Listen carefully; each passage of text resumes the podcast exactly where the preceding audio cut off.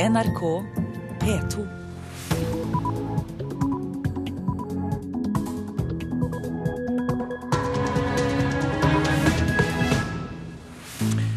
Og det er Øystein Heggen som skal ta deg gjennom nyhetsbildet i dag i Nyhetsmorgen. Klokka den er 6.30 torsdag 27. mars. Ukraina har fått ny regjering, protestleder utnevnt til statsminister.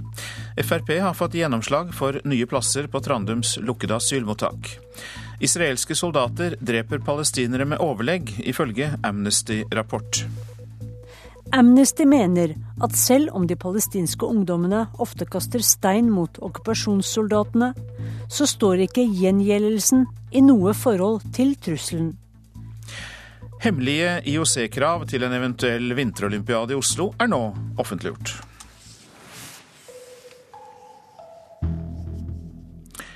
I går kveld fikk Ukraina en ny regjering. Navnene ble kunngjort for en stor menneskemengde på uavhengighetsplassen Maidan i Kiev. Utenriksmedarbeider Guri Nordstrøm, du er fortsatt i Kiev, og du var på plassen da det skjedde. Hva var reaksjonene? Det var eh, veldig blandet. Mange var skuffet fordi denne nye regjeringen skal ledes av eh, en av opposisjonslederne, Arsenij Jatsjenuk.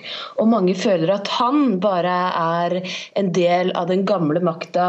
Han leder Fedrelandspartiet, som er da uh, Julia Timosjenkas sitt parti, som da var fengslet her tidligere, og som nå nettopp ble ble løslatt. Og han har også tidligere vært medlem av Jusjenkos parti, som er en av heltene under oransjerevolusjonen. Så mange var skuffet over at det var han Artsjeny Yatsjenuk som skulle lede denne regjeringen. Og det de sa, er at i dag eh, så vil de demonstrere på nytt utenfor eh, parlamentet. Hva vet vi mer om den eh, politiske retningen som denne regjeringen kan komme til å følge? Den midlertidige statsministeren han er i hvert fall veldig EU-vennlig. Eh, sånn at eh, her kan det være konfliktlinjer i forhold til at det finnes jo også store deler av dette landet som ikke er veldig interessert i, eh, i den retningen. Og så har vi jo dette forholdet til Russland, som er et gjennomgangstema. Hvordan vil denne regjeringen kunne greie å samarbeide med landets viktigste store naboland i øst? Det blir veldig interessant å se, fordi at dette er jo den balansegangen som eh, den avsatte presidenten ikke fikk så veldig godt til. Altså det å balansere da mellom Russland og EU. Eh, og den statsministeren som nå skal lede regjeringen her, han har i utgangspunktet ikke så veldig godt eh, forhold til Russland. Så hvordan dette utvikler seg fremover, det blir veldig interessant å se. Og så ser det ut til, eh, sånn sett i denne sammenhengen, at situasjonen på Krimhalvøya er blitt mer anstrengt. Hva er det som skjer der? Det som skjer på Krim er at I går var det store demonstrasjoner der blant, eh, hvor de som er Russland-vennlige, uh, protesterte mot eh, det som skjer her i Kiev. Og Årsaken til det er at Krim er den eneste regionen her i Ukraina hvor de etniske russerne er i flertall. Den ble faktisk ikke en del av Ukraina før i 1954 og har hele veien hatt et et ganske eget selvstyre i forhold til andre regioner her. Så de er veldig imot det som skjer her i, i hovedstaden og i den vestlige delen nå. Og under demonstrasjonen i går så ble jo minst én også og drept. Og Russland har jo også store interesser på Krimhalvøya, nettopp pga. den strategiske plassering i, i, Svartehavet, og hvor de også da har en veldig viktig flåtebase. Forholdet til Russland blir viktig, men kan du til slutt eh, fortelle oss noe om andre viktige arbeidsoppgaver for den eh, nye regjeringen? Det blir jo først og fremst å klare å holde landet samlet. Og så uh, har de da bestemt at 25. mai skal det være nytt uh, presidentvalg her. Og etter presidentvalget så er det planlagt at det skal være nytt nytt parlamentsvalg. Fordi denne regjeringen er jo tross alt bare midlertidig, så det er en slags eh, teknisk løsning eh, for oss å fylle det maktvakuumet som har vært her siden presidenten ble avsatt på lørdag. Mange takk for den orienteringen, Guri Nordstrøm, som altså er vår medarbeider i Kiev nå. Etter det NRK erfarer, får Fremskrittspartiet i dag gjennomslag for 60-70 nye plasser på Trandum utlendingsinternat, som er Norges eneste lukkede mottak. Men i natt så sto 44 senger ledige på Trandum. Avdelingsdirektør i Politiets utlendingsenhet Ståle Sørmo sier til NRK at Trandum allerede har god nok kapasitet. Politiets utlendingsinternat har per i dag en kapasitet på 137 plasser, eh, noe som er vurdert som tilstrekkelig opp mot de forventningene som eh, er stilt til oss. Lukka mottak er en av de store dragkampene i forhandlingene om en felles asyl- og innvandringsavtale. Frp vil aller helst bygge nye lukka mottak, men etter det NRK erfarer, får de i dag bare gjennomslag for en utvidelse av Trandum utlendingsinternat sa reporter Eva Marie Bulai. Og Høyre, Frp, KrF og Venstre møtes i ettermiddag til det som etter planen er siste møte for å bli enige om en felles asyl- og innvandringsavtale. Politidekningen i Norge blir stadig bedre, viser helt ferske tall. Nå tror Politidirektoratet at målet om to politiansatte per 1000 innbyggere vil nås innen 2020.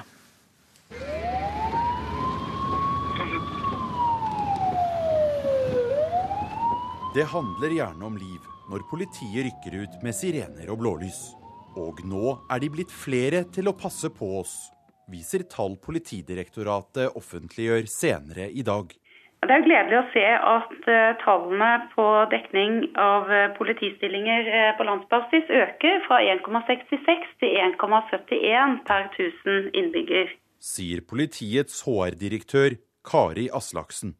Terroren 22.07 avdekket store problemer i Politi-Norge. Utvalget som skulle rydde opp, satte et klart mål. Ifølge politirapporten skal Norge innen 2020 ha to politiansatte per 1000 innbyggere. Og Fortsetter denne utviklingen vi ser nå, så er vi i stand til å nå dette målet. Årsaken er eh, todelt. Det ene er at vi har fått større kull som går ut av Politihøgskolen og at politiet ble tilført 350 nye stillinger i 2013. Og Vi er glade også for å kunne si at eh, vi har fått eh, tildelt 350 nye stillinger også i 2014. Men selv om målet nasjonalt nå er innen rekkevidde, er forskjellene mellom politidistriktene fremdeles store. Mens Øst-Finnmark allerede har over tre og et halvt årsverk per 1000 innbyggere, betjener bare litt over én politiansatt den samme folkemengden i Follo, Asker og Bærum og Sunnmøre. Det er vanskelig for meg nå å gå inn på eh, detaljene på per eh, distrikt. Det vil jo variere eh, på bakgrunn av geografi og befolkningstetthet. Eh, men vi fordeler jo også stillinger eh, ut fra behov i det enkelte distrikt. Reporter her, det var Sindre Heirdal. Israelske soldater får drepe med overlegg uten å bli straffet eller etterforsket på en seriøs måte. Ja, slik konkluderer Amnesty International i en rapport som blir offentliggjort i dag. Den viser at israelske soldater tok livet av langt flere palestinere i 2013 enn i årene før. Ut av intet kom flere soldater og angrep Samir. De skjøt ham med benet, likevel greide han å løpe hjemover. Men hvor langt kan et barn løpe? 20, kanskje 30 meter? De kunne så lett ha arrestert ham nettopp fordi han var skadet, men i stedet skjøt de ham i ryggen med skarpt. For meg er dette et overlagt drap. Det forteller Malek Morar på 16 år til Amnestys etterforskere. Malek så sin jevnaldrende venn Samir bli drept i januar i fjor i Bodros på Vestbredden. Dette er bare ett eksempel Amnesty International trekker frem i rapporten med navnet Trigger-happy, våpenglad, som offentliggjøres i dag. Menneskerettighetsorganisasjonen redegjør for hva som skjedde med hver av de 22 palestinerne som ble drept av den israelske hæren IDF i fjor. De fleste av de drepte palestinerne er mellom 16 og 22 år. Ifølge FN er tallet på hele 27, for ifølge FN-organisasjonen OCHA ble 25 palestinere drept med skarpt og to med gummibelagte stålkuler i fjor. Uansett er tallet for 2013 langt høyere enn for årene før. For til sammen i 2011 og 2012 ble bare i anførselstegn 18 unge palestinere drept av den israelske hæren. Amnesty mener at selv om de palestinske ungdommene ofte kaster stein mot okkupasjonssoldatene, så står ikke gjengjeldelsen i noe forhold til trusselen. For demonstrantene utgjør ingen alvorlig trussel mot soldatene som er tungt bevæpnet og beskyttet. Amnesty kritiserer også israelske soldater for passivt å stå og se på at bevæpnede bosettere angriper palestinere og deres eiendom. I dagens rapport påpeker Amnesty at Israel har undertegnet Genévekonvensjonen, og dermed forplikter seg til å beskytte folket det okkuperer, ikke angripe det. Rapporten Trigger Happy refser israelske myndigheter for en total mangel på å etterforske dødsfall og drap på en seriøs og uavhengig måte. Israelske soldater får drepe med overlegg uten å bli straffet, ifølge Amnesty. Et land som ikke vil se sine ledere bli truet med ICC, domstolen for krigsforbrytelser, må selv begynne å følge de internasjonale avtalene staten har skrevet under på, er budskapet i Amnesty-rapporten. Og det var eh, utenriksreporter Sissel Wold som hadde lest denne rapporten fra Amnesty. Det nasjonale politiet i USA, FBI, hadde en hittil ukjent agent på innsiden av terrornettverket Al Qaida. Det viser rettsdokumenter som Washington Post har fått tak i. Agenten fikk vite at terrorlederen Osama bin Laden ville finansiere terror mot USA allerede i 1993, men de folkevalgte i Kongressen fikk aldri høre om det. Til tross for at kilden ikke kunne hjelpe amerikanerne med å hindre terrorangrepet i 2001, så skal han ha bidratt til å hindre angrepet mot bl.a. en frimurerlosje i Los Angeles på midten av 1990-tallet. Så til det avisene her hjemme skriver. Arrestasjonen av en framstående polititjenestemann i Oslo kan føre til gransking og etterforskning av Oslo politidistrikt, skriver Dagsavisen. Forsker Gunnar Thomassen ved Politihøgskolen sier det er viktig at politidistriktene har god internkontroll, og at eh, det er viktig for politiets omdømme. Styreleder Finn Jepsen i Kongsberg Gruppen leste aldri bedriftens egen granskningsrapport som avdekket pengeoverføringer til skatteparadiser, skriver Dagens Næringsliv. Bedriften la selv saken død, men Økokrim tok den opp igjen. Jepsen sier til avisa at det var en beslutning som lå til administrasjonen, men at det var en forsvarlig vurdering av saken. Under 40% av maten er basert på, basert på norske råvarer, skriver Nasjonen. Vi har den laveste selvforsyningsgraden på 20 år. Den gikk ned med 5 prosentpoeng i fjor. Konsulenter skal få overta, skriver Klassekampen, for moderniseringsministeren vil bytte ut offentlige byråkrater i departementene med private konsulenter. Vi bruker eksterne konsulenter fordi vi trenger å se arbeidet til alle departementene i sammenheng, svarer Jan Tore Sanner. Alenemor i Tromsø ga opp boligjakt og må slutte jobben og flytte fra byen. Nordlys har intervjuet eh, førskolelærer Mona Lisa Henriksen, som forlater Tromsø etter to års boligjakt. I deler av perioden bodde hun sammen med de to barna i en campingvogn. Uferdige motorveier forvirrer bilistene, får vi vite i Aftenposten. Det har vært 123 ulykker under veiutbygginger. Bjørn Christian Nymoen forteller til avisa at han trodde han var på en firefelts motorvei og ville kjøre forbi, men det holdt på å koste ham livet. Hun spiste billetten, kortet ligger i vaskemaskinen. Bergensavisen har intervjuet billettkontrollører på Bybanen om hvilke unnskyldninger folk bruker for å ikke ha gyldig billett. Fasten skal røske, det lyder overskriften i Vårt Land, som har forsakelse gjennom faste som dagens hovedtema. Men fasten behøver ikke bare handle om mat, sier den katolske nonnen Katrina Pacell. Man kan ta i andre svake sider ved seg selv, og man kan vende blikket utover mot andre mennesker og Gud.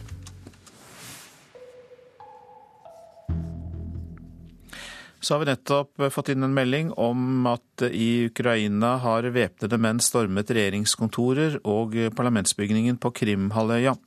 Det opplyser en lokal leder til byrået Interfax, og vi følger eh, videre med på den saken. Etter stort påtrykk er nå flere tusen sider med Den internasjonale olympiske komités krav og anbefalinger til et eventuelt Oslo-OL offentliggjort. Direktør i Oslo 2022, Eli Grimsby, er glad for at de hemmeligholdte IOC-kravene nå er offentlige. Vi har ment det har vært nødvendig sånn at folk skal få en innsikt selv i hva vi har lagt til grunn når vi har gjort våre utredninger. Det sier direktør i Oslo 2022, Eli Grimsby. Hun forstår ikke hvorfor kravene har skullet være hemmelig, og er glad for at IOC gikk med på å offentliggjøre dokumentene. Så er jo dette helt ordinære tekniske krav som faktisk hjelper oss i veldig stor grad til å dimensjonere og budsjettere riktig. Eh, og det har jo også vært litt uforståelig for oss hvorfor eh, dette skal holdes hemmelig. Det er jo å fjerne den eh, usikkerheten dette hemmeligholdet har skapt. Det sier byrådsleder i Oslo og leder av søkerkomiteen Stian Berger Røsland, som er glad for at folk nå kan se selv. Carl I. Hagen har vært en pådriver for å få innsyn i kravlista til IOC, og det er én ting han skal lese spesielt nøye veldig mye av det som har med det økonomiske å gjøre. At det ikke er slik at det som eh, IOC ensidig kan berike seg selv, mens eh, arrangøren har alle, alle risikoen for eh, det økonomiske. At det er en rimelig fordeling av la oss si, sponsorinntekter til arrangørlandene og til IOC. Og at det er en fornuftig og balansert avtale. Oslo-politiker Carl I. Hagen der, til reporter Emilie Hall Torp. Klokka den passerte nettopp 6.46. Dette er hovedsaker. Ukraina har fått ny regjering, protestleder utnevnt til statsminister. Vi har nettopp fått inn melding om at væpnede menn har stormet regjeringskontorer og parlamentsbygningen på Krimhalvøya. Det er en lokal leder som opplyser det til nyhetsbyrået Interfax. Frp har fått gjennomslag for nye plasser på Trandums lukkede asylmottak. Høyre, Frp, KrF og Venstre møtes i dag til det siste møtet for å bli enige om asyl- og innvandringsavtale. Politidekningen i Norge blir stadig bedre. Målet om to politiansatte per innbygger kan nås om seks år.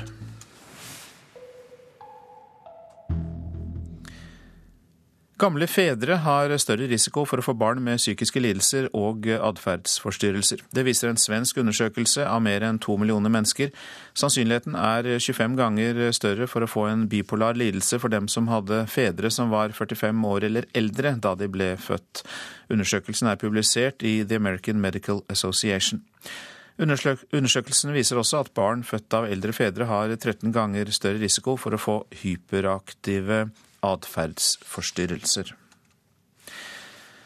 Flere må velge yrkesfag på videregående skole, mener LO, men i Rogaland er det mest populært å velge studiespesialisering, som tilsvarer den tidligere allmennfaglinjen. 1.3 går søknadsfristen ut for valg av linje på videregående skole. Var det hodet eller hjertet som, som styrte nå at du har satt studiespesialisering som første? Da tenkte jeg med hodet. Eh, på kontoret til rådgiveren ved Revheim ungdomsskole diskuterer elevene hva de skal søke. Det rapporteres inn en større mangel på fagarbeidere enn det gjør på ingeniører, selv om det er ingeniører vi hører om. Sier distriktssekretær Øystein Langholm Hansen. Det som en risikerer når en går studiespesialiserende, eh, og spesielt hvis en søker eh, yrkesfag og tar studiespesialiserende påbygg, det er at en, hvis en skulle stryke, så står en uten noen sluttkompetanse i det hele tatt. Elevene Sander Vinseth og Vegard Høyland i 10. klasse på Revheim ungdomsskole har begge sansen for elektrofag. Interessen kom mest da de besøkte bedrifter og skoler og fikk prøvd seg på området. Jeg vurderte mye mer elektro etter jeg hadde vært hospitert på jobben til pappa som elektriker. For det, det var mye mer et mye mer hvitt yrke enn det jeg hadde trodd. Liksom, det er ikke bare å koble ledninger og henge opp lyspærer. Det er liksom mye, mye mer enn det. Og nå er det kjekt å få godt jobbe og sånt. Men til tross for interessen guttene har til elektro, valgte de studiespesialisering. Ja, eh, jeg valgte studiespesialisering mest pga. at jeg vil ha mange dører stående åpne på hva jeg kan bli. Jeg er ikke helt sikker på hva jeg vil bli. Jeg tenkte på ingeniør, kanskje. Rådgiver Margaret Laundal Skretting på Revheim ungdomsskole har lagt vekt på å informere om mulighetene som yrkesfag kan gi. Hun tror at foreldrene kan ha en påvirkning på hva elevene velger. Jeg er litt redd for at en del foreldre altså at noen har en oppfatning at velger du studiespesialisering, så har du alle dører åpne. Mens de på en måte ikke helt har skjønt den der eh, Altså forstått det med påbygg. Eh, og at de har mulighet for å få kompetanse for å studere videre via en yrkesvei òg. Øystein Langholm Hansen tror òg at foreldre kan ha en påvirkning på hva linjer elevene velger. Det er veldig mange som tror at det er venner som påvirker mye, mest. At det er rådgiverne har, på skolen har mye de skulle ha sagt, og lærerne. Men det viser seg altså gang på gang at det er foreldre og besteforeldre som har mest de skulle ha sagt. Men Sander Vinseth og Vegard Høyland mener at de ikke har blitt påvirka av foreldrene sine. Nei, jeg har nok meg sjøl, egentlig. Jeg valgte jo sjøl. Og så Jeg hadde mest, jeg har alltid sett fram til studiespesialisering. Jeg tenkte at det skal gå. LO har sammen med NHO uttalt at de anbefaler flere tiendeklassinger å søke yrkesfag. Øystein Langholm Hansen sier strykprosenten er en av forklaringene. Og ikke alle passer til å ta en akademisk utdannelse. Mange er, eh, er praktikere. Reporter her, det var Mariann Habbestad. Blind er den eneste norske filmen som i år blir synstolket for blinde. Når et nytt program til smarttelefoner nå gjør synstolking på kino lettere, så krever Blindeforbundet at Kulturdepartementet setter strengere krav til norske filmskapere. Skal ikke gjøre det her om det ikke betydde noe for deg? Nå, har den Nå synker han. Ja. På Ringen kino i Oslo blir den premiereklare filmen 'Blind' vist for et lite og nøye utvalgt publikum, utstyrt med smarttelefoner. Et nytt program til slike telefoner, en såkalt app, skal nemlig nå forbedre kinoopplevelser til blinde og svaksynte. Hånden til Morten stryker han over håret. Hvis han ikke bare hadde tenkt at det burde utgis. Det er denne typen utfyllende skildringer av det som skjer på lerretet, som kalles synstolking. Ved hjelp av appen blir lydfylla med skildringene lasta ned til telefonen din, og blir synkronisert med filmen gjennom mikrofonen i mobilen. Dette er jo helt nytt og, og veldig veldig banebrytende. Sier Sverre Fuglerud, interessepolitisk talsmann i Blindeforbundet og sjøl synshemma. Til nå er det bransjeforeninga Film og Kino som har gitt penger til synstolking. Men drastiske inntektsfall gjør at de ikke har mer penger å gi. Så 2014 ser jo da ut til å bli det dårligste året for synstolking på mange, mange år, ja, helt siden 2007. Nå vil Fuglerud og Blindeforbundet ha Kulturdepartementet på banen for å bevilge penger. Etter hvert så mener vi at eh, man faktisk skal stille krav til eh, filmer som mottar produksjonsstøtte, at de skal synstolkes. Slik er det for teksting på filmene, men akkurat for 2014 så er man nødt til å gi direkte støtte da, til de filmene som eh, skal eh, få synstolking. Jeg må ærlig innrømme at jeg oppdaget at det var noe som het synstolkning når jeg gjorde eh, research til denne filmen. Sier regissør for filmen Blind, Eskil Vogt. Gjennom samarbeidet Vogt hadde med svaksynte i arbeidet med blind, ble han merksom på hvor viktig synstolkinga var for synshemma. Motlys, som produserer Blind, søkte om støtte til synstolking, men fikk avslag. De valgte derfor å sjøl betale de 65 000 kronene det kosta. Vogt syns det er rart at støtteordninger til synshemma blir borte. Nå har man jo fått eh, pålegget om å tekste alle norske filmer på norsk, så da er det veldig rart at samtidig støtteordninger som gjør filmer tilgjengelig for eh, synshemmede, eh, forsvinner. Kulturminister Toril Vidvei vil ikke love at det blir penger til synstolking i år. Nå skal jeg ha møte med Blindeforbundet neste uke, eller vi skal ha, i departementet. og Vi vil da høre på hva problemet er, og så får vi da eventuelt komme tilbake til dette i forbindelse med også denne filmmeldingen som vi skal eh, lage. Denne reportasjen var laget av Kristin Forland. Fra film til opera, for nå vil operaen motbevise at sjangeren er død for alle under 30 år. Derfor hadde de sikret seg fullsatt sal med unge mennesker i går kveld, invitert av operaens ungdomsambassadører for eh, seiglivede myter skulle avlives. At opera er kjedelig, det er blankt ut løgn. Det er ingenting som er så dramatisk og så heftig og så over the top som opera kan være. Tuva Narbevold er operaentusiast og en av de unge ambassadørene som hjelper til å rekruttere flere unge mennesker til operaen. Nora Rowling fra Amsterdam er operaambassadør i sitt hjemland. Hun trekker fram en annen myte den om tykke damer som bare står på scenen og synger. Uh, opera is really much more than just people standing and singing. It's really theatre and just theatre communicating to people in a different way by music. But still, it's not just people standing and not just people being fat and just standing on a stage, but really it's acting and music and everything Noen var godt forberedt og stilte i mørk dress, vakre kjoler og lakksko. Andre var ikke fullt så stive i klesveien, men alle var nysgjerrige. Jeg har hørt at det er utrolig bra, da, så eh, jeg vet ikke. Det blir nok veldig kult. De har satt opp veldig mye her da, og skaper ganske stor forventning med ansatte som går rundt i kostymer og, og denne loungen her, så jeg tror det blir veldig bra. Det er jo nytt innslag. Nye impulser. Noe du ikke gjør til vanlig. Jeg har vært med min farmor eh, i operaen eh, og sett på det. Jeg syns det er helt fantastisk. Litt, for å rømme litt fra virkeligheten et lite øyeblikk. Så, vanligvis er jeg en av de som trekker publikumsalderssnittet ned. Så det er gøy å se at det er flere unge som interesserer seg for opera og har en nysgjerrighet. da. Jeg liker at de synger sånn høyt noen ganger. Ja. Altså sånn skikkelig lavt. Musikerprestasjoner, ikke sant. Det blir sikkert veldig kult. Uh, uansett om man klarer å henge med på historien og handlingen og karakterene eller ikke, så er det jo musikken og ikke minst det visuelle som også er en stor del av opplevelsen. For operasjef Per Boje Hansen var det en stor dag. Det er fantastisk å se 1000 ungdommer på operaen på en vanlig onsdagsforestilling av La Bohème.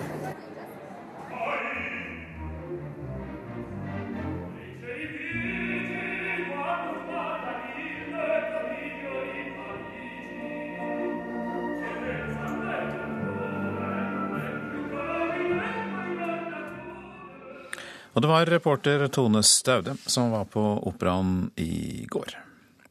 Den amerikanske romfartsorganisasjonen NASA melder nå at de har funnet 715 nye planeter i verdensrommet. Ingen av planetene er lik jorden i størrelse, men fire av dem er så nær sin stjerne at de kan ha flytende vann på overflaten. Det er derfor mulig at det finnes liv der. Det nye funnet øker antall bekreftede planeter rundt andre stjerner til 1700, men til nå er det ikke funnet eh, en tvilling av jorden. Så var det værvarselet fram til midnatt. Fjellet i Sør-Norge. Stiv kuling utsatte steder i vest og nord. Mest vind i kveld. Litt snø av og til i Langfjellet, ellers eh, stort sett oppholdsvær. Stedvis tåke. Østafjells litt regn av og til. Til eh, vest for Mjøsa og Oslofjorden. Snø over 300 meter. Og eh, snø over litt høyere områder i Agder, ellers for det meste opphold. Stedvis tåke, i kveld liten kuling vest for Oksøy. Rogaland sørøst oppe i stiv kuling, fra i ettermiddag sterk kuling på kysten nord for Obrestad. Enkelte regnbyger, vesentlig først på dagen. Snøbyger i høyden og utpå kvelden regn. Hordaland og Sogn og Fjordane sørøst oppe i stiv kuling, seint i kveld sterk kuling på kysten av Hordaland. Regnbyger, snøbyger i høyereliggende strøk. Fra i ettermiddag oppholdsvær. Møre og Romsdal og Trøndelag liten kuling utsatte steder. Først på dagen enkelte regnbyger på Sunnmøre. Snøbyger i høyden, ellers opphold og perioder med sol. Nordland sørøst liten kuling utsatte steder. Fra i ettermiddag frisk bris. I Lofoten og Vesterålen spredt regn, ellers stort sett opphold. Troms får oppholdsvær. Fra seint i ettermiddag spredt regn og sludd, riktignok. Først kommer det i sør. Finnmark sørlig stiv kuling utsatte steder. I vest minkende vind. I sørlige strøk spredt sludd eller snø, ellers stort sett opphold. Nordensjøland på Spitsbergen, der blir det til dels pent vær, kort og godt. Så var det temperaturene som da ble målt klokka fire i natt. Svalbard lufthavn minus seks, Kirkenes minus én. Vardø pluss to, Alta pluss én, Tromsø-Langnes to, Bodø fire. Brønnøysund, Trondheim og Molde alle med seks grader. Bergen-Flesland fire, Stavanger seks. Kristiansand-Kjevik hadde fem grader, Gardermoen én grad, Lillehammer null grader, Røros én grad og Oslo-Blindern hadde fire grader. Og vi skal nå ganske straks ha tre minutter Dagsnytt, og Nyhetsmorgen kommer deretter tilbake igjen når klokka er tre minutter over sju. Vi får bl.a. besøk av ordføreren i Fredrikstad, som skal snakke om jihadister fra Østfold.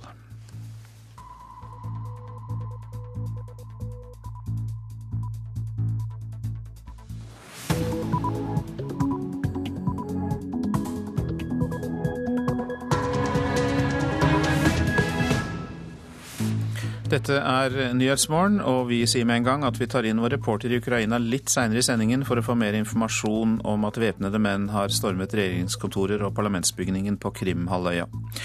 Som vi hørte i Dagsnytt, også Østfold har et islamistmiljø som har sendt krigere til Syria. Ordføreren i Fredrikstad kommenterer i Nyhetsmorgen. I dag faller dommen i saken mot de, 13, mot de 19 skal det være, barneranerne i Oslo. Vi spør stortingspolitiker Jan Bøhler, som har fulgt saken, hva han eh, har fått med seg fra den. Han kommer også til Nyhetsmorgen. Og forurensning 22 ganger over maksgrensen for farlig luft. Det er lufta folk i Beijing puster inn. Det er altså ikke bare islamister fra Oslo som reiser til Syria. For første gang bekrefter PST at islamister fra Østfold reiser til Syria. NRK vet at over ti personer har reist fra dette fylket til borgerkrigen i landet. Mange av de som reiser, er etniske nordmenn. Borgerkrigen i Syria tiltrekker seg islamister fra hele verden, også Norge. Ekstremistmiljøet her hjemme har vært sentrert rundt Oslo, men nå bekrefter den lokale PST-sjefen i Østfold, Øyvind Nilsen, at fylket har utfordringer. Eh, jeg kan bekrefte at eh, Østfold politidistrikt har eh, utfordringer med reisende til Syria. Hva kan du si om hva du ser av utvikling lokalt? For Østfolds vedkommende så kan jeg si det at det ser ut for oss som om problemet med antallet reisende det tiltar. Det vil si, det øker. Flere etniske nordmenn er involvert i det ekstreme islamistiske miljøet i fylket.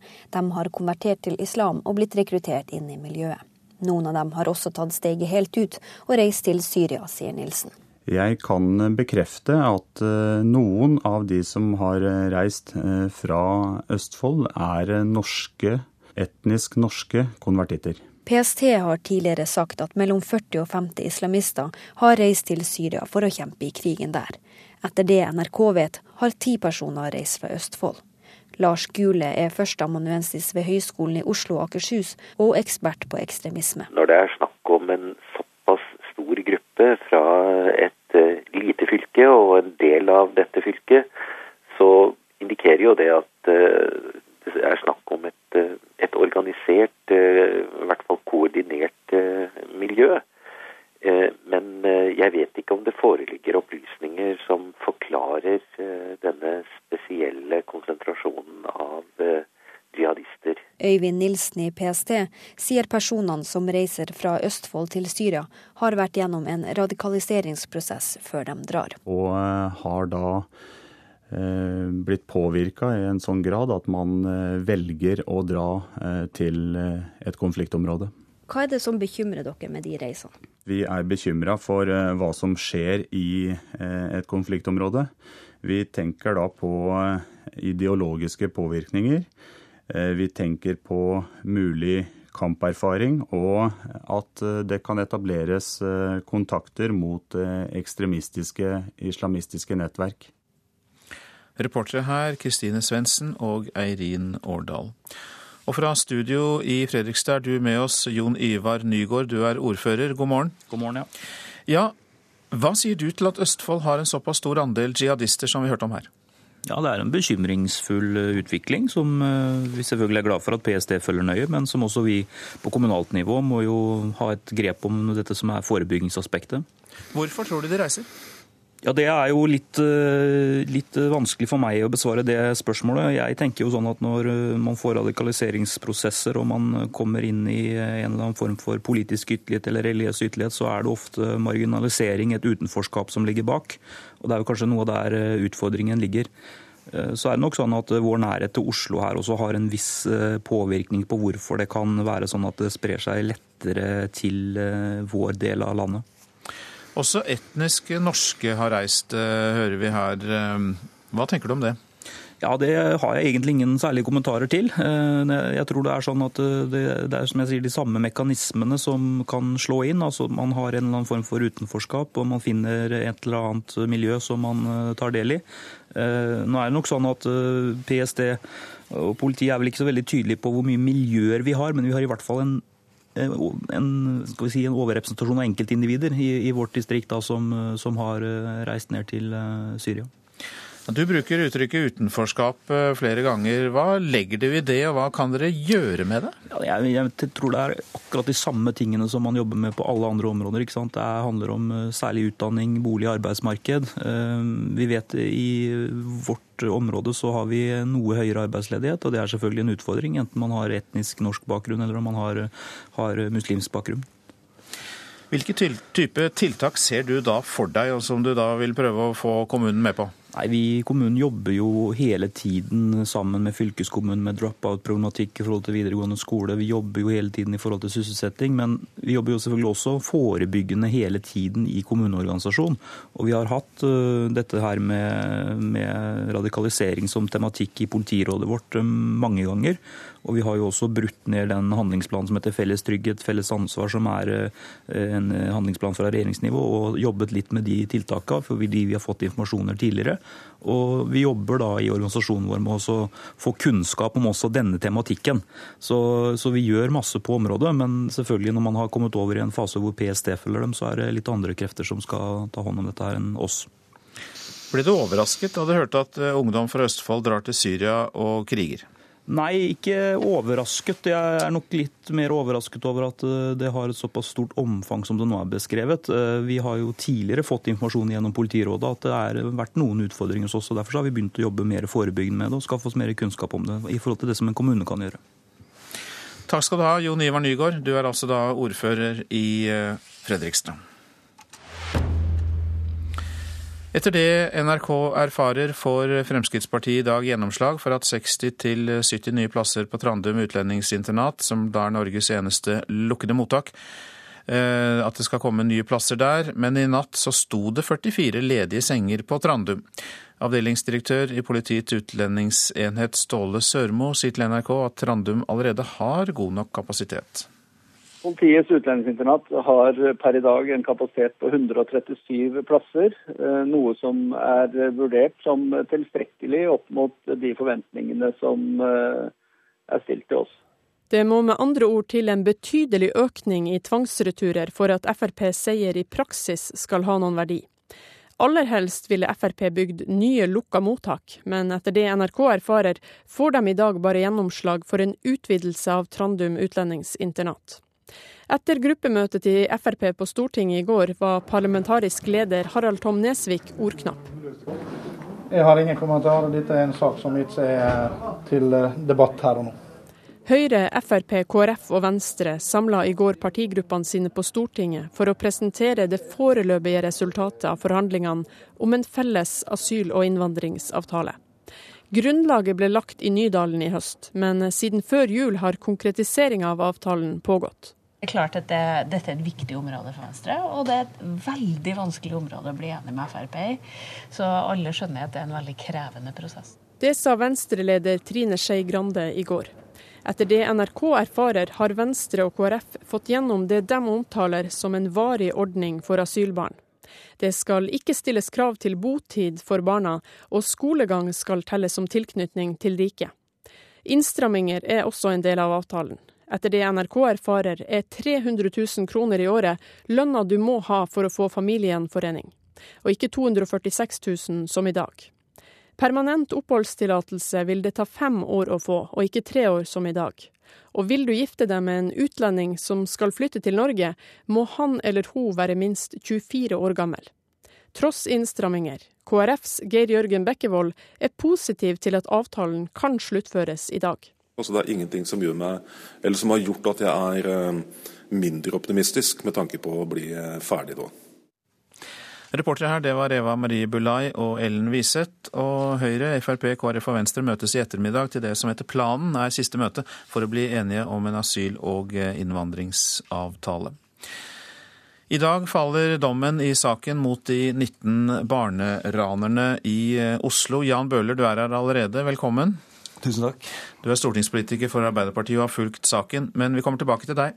Vi skal nemlig høre et innslag om disse ungdommene som er mellom 15 og 21 år og tiltalt for mobiltelefontyverier, trusler og grove ran mot barn ned til ni års alder.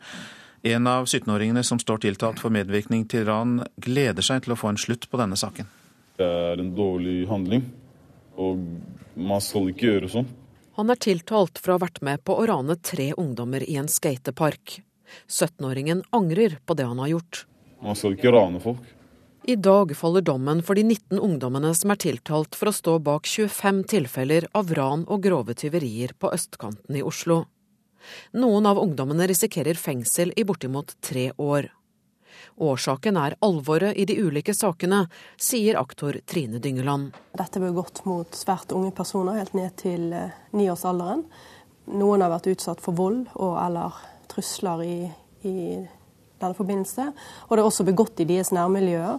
Eh, noe som skaper en generell utrygghet, eh, der man i utgangspunktet skal føle seg trygg på vei til skolen i forbindelse med fritidsaktiviteter osv. De fleste av ungdommene har erkjent straffskyld. Motivet var å tjene raske penger. 17-åringen ser fram til å legge saken bak seg, så livet kan gå videre. Jeg vil bare bli ferdig med det fortest mulig, da. Og så fortsette livet mitt. Og Det var altså en noe fordreid stemme for å skjule identiteten til denne 17-åringen. Reportere Kristine Næss Larsen og eh, Iram Ansari. Ja, Jan Bøhler, vi har presentert deg allerede. Du er stortingspolitiker for Arbeiderpartiet og har fulgt denne rettssaken. Og du bor i området der ranen har foregått, og sønnen din har blitt utsatt for ran. Så hva sitter du igjen med etter å ha vært i rettssalen? Jo, jeg har um, følt at det er viktig at samfunnet stiller opp, også for de som er ofre. At de skal eh, merke at eh, dette tas på alvor, at de skal få rettferdighet. Og at de også skal føle seg trygge til å vitne, og også trygge i framtida. For det jeg har sett, eh, kjenner jo nå en del som har vært utsatt for ran, og gutten vår har også vært det. Og det var en rettssak som var i fjor sommer i juni, som vi, han var i. og det det jeg har sett, er at det kan bli mye utrygghet etterpå. At man får en utrygg oppvekst etter å ha vært utsatt for ran. Så den oppfølgingen og hvordan de eh, opplever at, vi, eh, vi, at de kan vitne trygt, og at samfunnet stiller opp, mener jeg er avgjørende. At man bl.a. får hjelp til med mulige psykiske plager og bearbeiding av det. Og så når det gjelder ranerne selv, så jeg vil gjerne høre fullt rettssaken og, og, høre om de tar det på alvor. Nå var det gledelig å høre 17-åringen her, at han eh, ønsker å bli ferdig med det. Men også, også hvordan vi kan hindre at de fortsetter og hvordan dette har skjedd, at de havna i den situasjonen. Og det jeg har vært bekymra for når jeg har eh, fulgt rettssaken, det er bl.a. hvor få foreldre foresatte medlemmer av familien dem som har vært med og hørt på, stilt opp. For det er klart at når eh, barn og unge er også de som er tiltalt, er, sitter i en rettssal i flere uker, så er, kan det være en veldig avgjørende situasjon i livet om de forstår alvor, om de kommer ut av dette her. Og da trenger de at familiene, foreldre, følger med og tar det på ordentlig alvor. Så jeg er spent på nå hvordan det går framover. Om det blir Eh, en positiv utvikling, eller om det blir konflikter. Det er 19 ranere som skal ut i nærmiljøene våre, og jeg håper jo inderlig at de kommer ut av den banen de har vært inne i nå. Men det krever at foreldre stiller opp, og at vi også har eh, gode forebyggende tiltak fra samfunnets side. Du pekte jo på det mens rettssaken pågikk, nemlig at det var få foreldre som stilte opp i rettssalen. Det kunne vi lese om i avisene, og du kommenterte det også i andre medier. Bedret det seg etter at du pekte på dette? Kom det flere foreldre? Nei, ikke foreløpig. Så jeg så ikke mye spor av det. Så jeg er eh, litt spent på i dag òg, når domsavsigelsen er eh, klokka ti i dag, om det kommer flere da. Fordi at eh, det er viktig at vi markerer at dette er alvor. At familiene tar dem i hånda framover, er tett på dem, sammen med det offentlige. Men det kan ikke bare være det offentliges ansvar å sørge for at disse ikke blir ranere i framtida. For det er klart at det er nå jobben begynner. Det er nå det blir eh, spennende, både om ofrene føler seg trygge, fortsatt kan gå ut i oppvekstmiljøene sine, gå på denne skaterampen der det skjedde ran osv., bruke nærmiljøene våre, og om disse ranerne, disse 19 ranerne fortsetter eller ikke. De kan enten komme inn i en fin utvikling, ta, eh, bli positive medborgere, eller det er selvsagt fare for at de kan fortsette denne, den, på det de har vært inne på nå. Det, der må vi ikke være naive. Vi, vi trenger eh, også at eh, vi tenker gjennom de forebyggende tjenestene, om de som henger rundt på senteret og sånn, om vi når ut til dem. Og der har jeg lært mye når jeg har sittet og hørt på disse forklaringene. Så, så eh, jeg tror samfunnet har mye å lære av dette, her, og vi må stille opp. Jeg har sjelden vært vitne til noe så omfattende eh, Eh, samfunnslæring òg, som det å sitte og høre disse 19 forklaringene og, alle forklaringene fra ofrene. Så konklusjonen er Jan Bøhler, at det kan være nyttig å sitte i en annen sal enn stortingssalen eh, for dere som eh, representerer oss på Stortinget? Ja, absolutt. Selv om ikke vi skal være dommere, så har vi mye å lære av den virkeligheten som eh, utspiller seg bl.a. rundt denne ranssaken. Takk skal du ha, Jan Bøhler, som altså er stortingsrepresentant for Arbeiderpartiet fra Oslo og fulgt denne rettssaken. Ja, dette er Nyhetsmorgen, og klokka den passerte 7.18. Dette er uh, hovedsaker. Væpnede menn skal ha stormet regjeringskontorer og parlamentsbygningen på Krimhalvøya. Vi skal få inn mer informasjon om dette etter hvert. Også i Østfold er det et islamistmiljø som har sendt krigere til Syria. Og ordføreren i Fredrikstad var her i sendingen og var bekymret for denne utviklingen. Forurensning 22 ganger over maksgrensen for farlig luft. Det er lufta folk i Beijing puster inn. Vi skal høre mer om det. Ja, væpnede menn har stormet regjeringskontorer og parlamentsbygningen på Krimhalvøya i Ukraina. Det er en lokal leder som opplyser det til nyhetsbyrået Interfax. Utenriksmedarbeider Guri Nordstrøm, du er med oss igjen. Du er i Ukraina. Hva mer vet du? Det vi vet så langt, er at uniformerte og væpnede personer skal ha stormet eh, parlamentsbygningen og regjeringsbygningen på Krimhalvøya. Eh, vi vet ikke hvem de er. De skal ha uniformer uten spesielle kjennetegn på. Og de skal ifølge denne lokale Tartar, tatarlederen som har eh, uttalt seg til det russiske nyhetsbyrået, de skal da ikke ha framsatt noe krav, så vidt vi vet ennå. Det var jo også konfrontasjoner på Krimhalvøya i går. Hva slags type konfrontasjoner var det? Det var eh, demonstrasjoner mellom eh, de på halvøya som er etniske russere, og som er, støtter eh, Russland i det som foregår i Ukraina nå, og de som støtter regjeringen her i Kiev, hvor jeg er. Eh, og Grunnen til at det er så spent på Krim, er jo at dette her er den eneste regionen i Ukraina hvor etniske russere er i flertall. Og, og denne delen av landet har uh, hatt uh, veldig mye Har vært en autonom republikk helt siden eh, Sovjetunionen ble oppløst i 1991. og Samtidig så har jo også Russland store interesser nettopp her pga. den strategiske beliggenheten. Ja, for de har jo Svartehavsflåten sin stasjonert der. og Hvordan stiller Russland seg til denne situasjonen nå? Russland har jo vært veldig tydelig på Medvedev gikk ut og sa i går at de ønsker å sikre sine interesser på Krimhalvøya, uten å fortelle nøyaktig hvordan de vil gjøre det. Men de annonserte jo også i går at de ønsker nå å å ha militærøvelser på grensa mellom Russland og Ukraina, så her viser Russland muskler. Takk for at du var med oss og holdt oss orientert om denne saken, utenriksmedarbeider Guri Nordstrøm, direkte fra Ukraina. Nå skal vi høre at eliten i Kina vil ut av landet, og utlendingene vegrer seg for å flytte inn.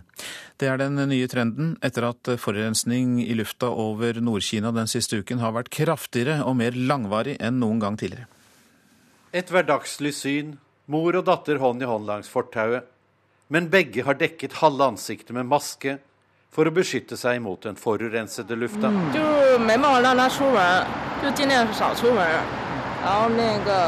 Mamma Dai-Jin forteller at hun har holdt datteren innendørs i sju dager, men at ungen likevel har blitt syk. Nå er de på vei til hospitalet og må belage seg på lang kø. Legene forteller om en tredobling av antall pasienter med luftveisplager. Hele Nord-Kina har den siste uken vært innhyllet i et gråbrunt teppe av giftig luft, fullt av ørsmå partikler som trenger gjennom lungene og inn i blodet. Helsemyndighetene frykter en eksplosjon av lungekreft og hjertesykdommer om fem-seks år. Konsulenter som bistår kinesere med å flytte til utlandet, har kraftig pågang, og nesten alle sier at lufta er grunnen til at de vil emigrere. Utenlandske bedrifter har også problemer med å få ansatte til å flytte til Beijing, som er dekket med smog 60% av året. Myndighetene i Kina har lansert et program for å bedre lufta, men ekspertene sier det ikke kommer til å bli ren luft før tidligst om ti år. Flere og flere beboere er rasende for at det ikke skjer raskere.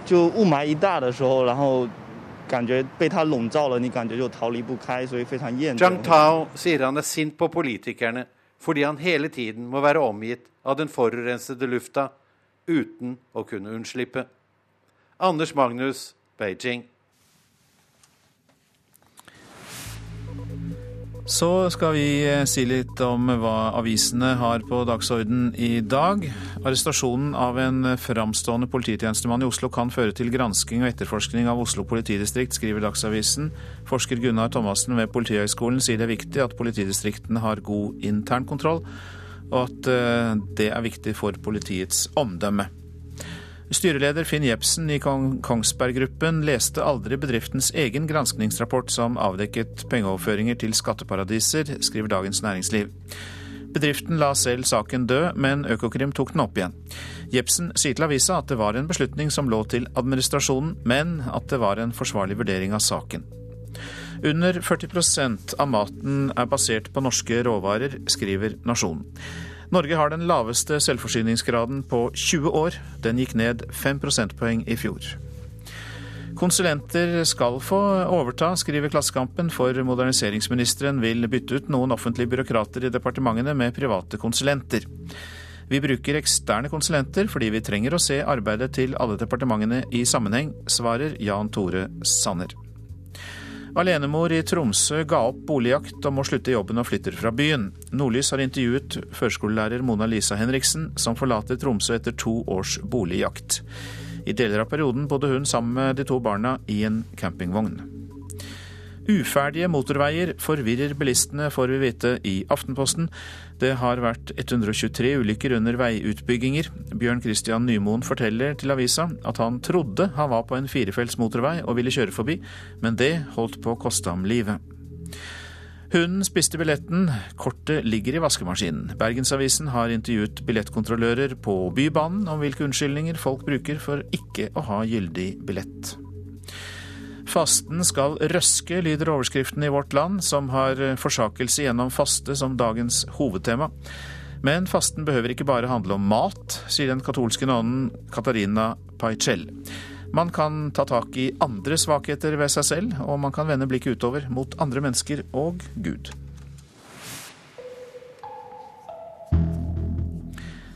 Mange av oss har ventet lenge i telefonkøer. Det er mye forskjellig musikk vi må høre på før vi får svar. Så er ventemusikken vår venn eller fiende?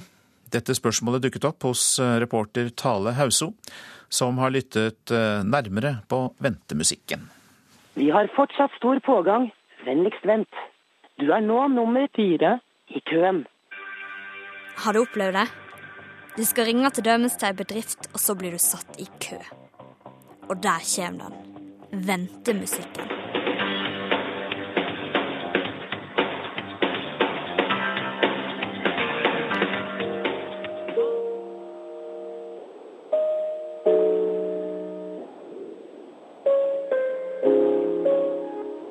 Akkurat nå er det mange som ringer oss. Vennligst vent. Er det noe som kan irritere oss, så er det dårlig musikk. Og det er mange som blir irritert over ventemusikken. Noen plasser må du kanskje vente i flere minutter og få den samme sangen om igjen og om igjen og om igjen. Andre ganger skulle en tro at musikken var valgt for at kundene rett og slett skal legge på. Venting er så kjent en påkjenning i seg sjøl. Å få servert en eller annen skurrete greie mens du venter, gjør kanskje ikke nødvendigvis ventetida mer behagelig.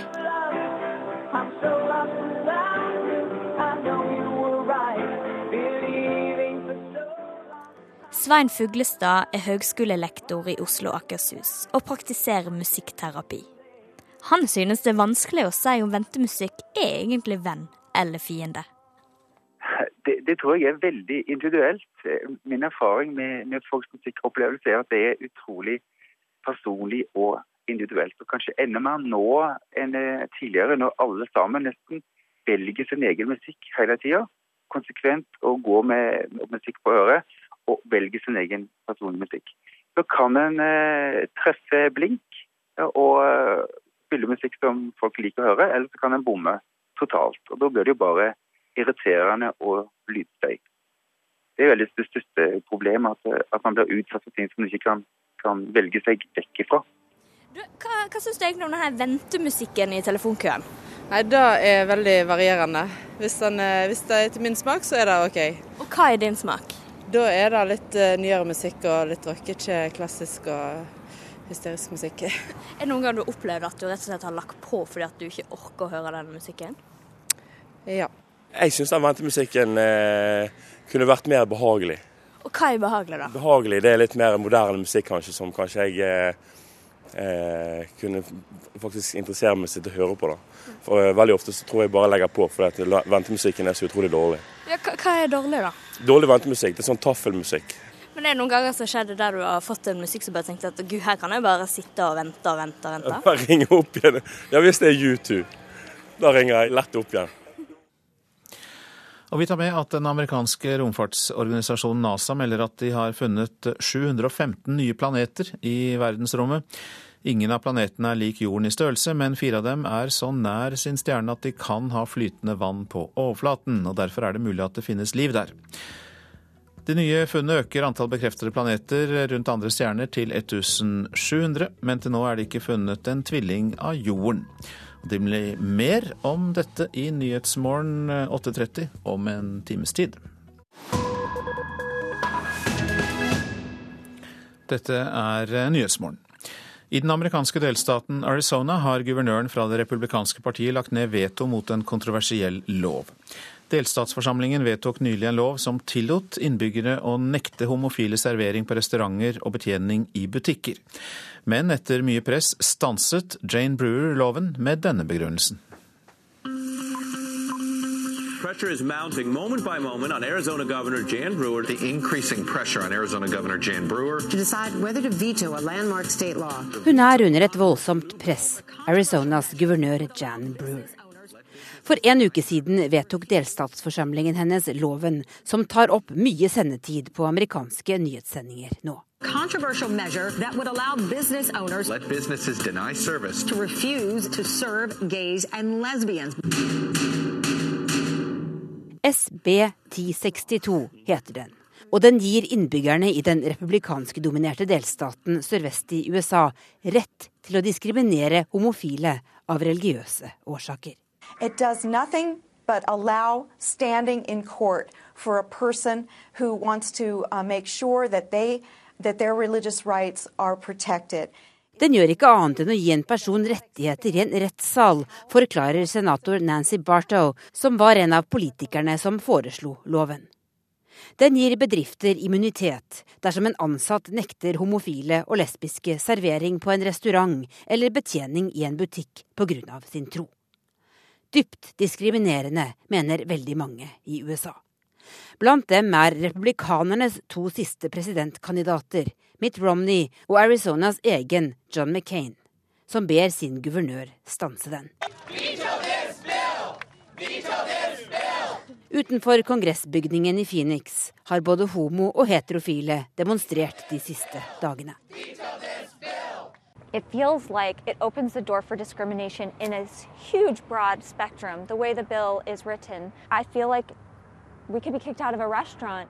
Jeg føler at dette åpner for bred diskriminering, fordi vi kan bli kastet ut av restauranter, sier Megan Abhow, som er lesbisk. Striden om homofiles rettigheter har skapt intens debatt i USA de siste årene. Hele 17 delstater tillater nå homofile og lesbiske å gifte seg.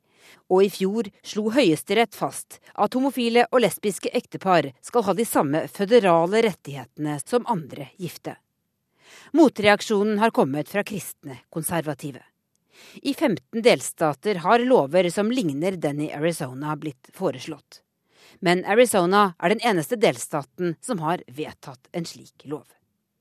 Loven får mange amerikanere til å kjenne et gufs fra fortiden. Det er ikke mer enn 50 år siden svarte ble nektet servering på restauranter i USA. And I'm going to read it and I'm going to be briefed on it. We have been following it and I will make my decision uh, in the near future. Det er likevel ikke hensynet til de homofile og lesbiske som vil veie tyngst for guvernør Jan Brewer når hun i dag ventelig stanser loven. Tyngst veier prislappen.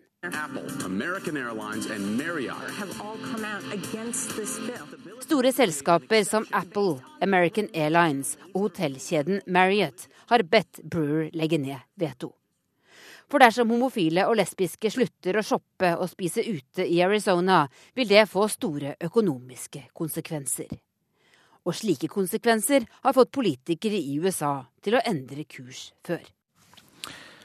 Og vi legger til at guvernør Jane Brewer altså stanset denne loven i natt norsk tid. Reporter her, det var Tove Bjørgaas. Dette er Nyhetsmorgen, dette er hovedsaker. Politiets sikkerhetstjeneste er bekymret. Islamister fra nye miljøer i Norge reiser til Syria for å slåss. Ny uro i Ukraina. Væpnede menn har stormet offentlige bygg på Krimhalvøya.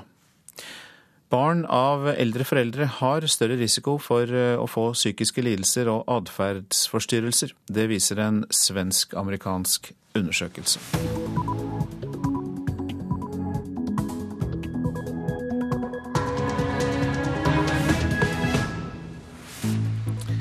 Dette er Nyhetsmorgen. Nå klokka 8.30 er dette hovedsaker. Væpnede menn har stormet regjeringskontorer og parlamentsbygningen på Krimhalvøya i Ukraina. Politiets sikkerhetstjeneste er bekymret for islamister fra nye miljøer i Norge som reiser til Syria for å slåss. Og Tysklands forbundskansler Angela Merkel besøker Storbritannia i dag, til mye pomp og brakt. I Ukraina er landets sikkerhetsstyrker satt i full beredskap etter at væpnede menn altså har stormet offentlige bygg på Krimhalvøya. Det er den nye regjeringen i landet som opplyser dette. Utenriksmedarbeider Halvard Sandberg, du har nettopp kommet inn til oss. og Hva er det siste du vet om denne situasjonen? Vi vet at det er omtrent 50 væpnede menn, uniformerte menn, uten noen kjennetegn på disse uniformene. De har ikke kommet med noe krav, men det de har gjort, er at de har heist det russiske flagget på toppen av parlamentsbygningen. Og landets myndigheter sier nå at det er helt klart at dette her er prorussiske krefter som har gjort dette, og de vet ennå ikke hvorfor. Takk skal du ha så langt, Halvard Sandberg. Det har altså vært uro på Krimhalvøya i flere dager. Og litt tidligere på morgenen snakket vi med vår utenriksmedarbeider Guri Nordstrøm, som er i Ukraina. Det var demonstrasjoner mellom de på halvøya som er etniske russere, og som er, støtter Russland i det som foregår i Ukraina nå, og de som støtter regjeringen her i Kiev, hvor jeg er. Og Grunnen til at det er så spent på Krim, er jo at dette her er den eneste regionen i Ukraina hvor etniske russere er i flertall. Og, og denne delen av landet har uh, hatt uh, veldig mye Har vært en autonom republikk helt siden eh, Sovjetunionen ble oppløst i 1991. og Samtidig så har jo også Russland store interesser nettopp her pga. den strategiske beliggenheten. Ja, for de har jo Svartehavsflåten sin stasjonert der. og Hvordan stiller Russland seg til denne situasjonen nå? Russland har jo vært veldig tydelig på Medvedev gikk ut og sa i går at de ønsker å sikre sine interesser på Krimhalvøya, uten å fortelle nøyaktig hvordan de vil gjøre det. Men de annonserte jo også i går at de ønsker nå å, å ha militærøvelser på grensa mellom Russland og Ukraina, så her viser Russland muskler. Det sa Guri Nordstrøm, som rapporterer fra Ukraina. Og landets avsatte president Viktor Janukovitsj skal ifølge anonyme kilder ha ankommet Russland i går kveld og befinner seg nå på en luksuseiendom utenfor Moskva. Det er nyhetsbyrået RBC som melder det. For første gang bekrefter Politiets sikkerhetstjeneste at de har et problem med islamister fra Østfold som reiser til Syria, altså ikke bare fra Oslo-området. NRK vet at over ti personer har reist fra dette fylket til Syria, og antallet øker. Mange av de som reiser, er etniske nordmenn. Borgerkrigen i Syria tiltrekker seg islamister fra hele verden, også Norge. Ekstremistmiljøet her hjemme har vært sentrert rundt Oslo, men nå bekrefter den lokale PST-sjefen i Østfold, Øyvind Nilsen, at fylket har utfordringer. For Østfolds vedkommende så kan jeg si det at det ser ut for oss som om problemet med antallet reisende det tiltar. Det vil si, det øker. Flere etniske nordmenn er involvert i det ekstreme islamistiske miljøet i fylket. De har konvertert til islam og blitt rekruttert inn i miljøet.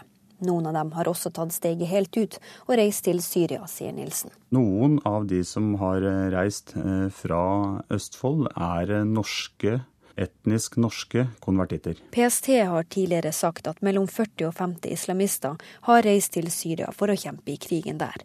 Etter det NRK vet, har ti personer reist fra Østfold. Lars Gule er førsteamanuensis ved Høgskolen i Oslo og Akershus og ekspert på ekstremisme. Når det er snakk om en gruppe fra et uh, lite fylke og en del av dette fylket, så indikerer jo det at uh, det er snakk om et, uh, et organisert, i hvert fall koordinert miljø.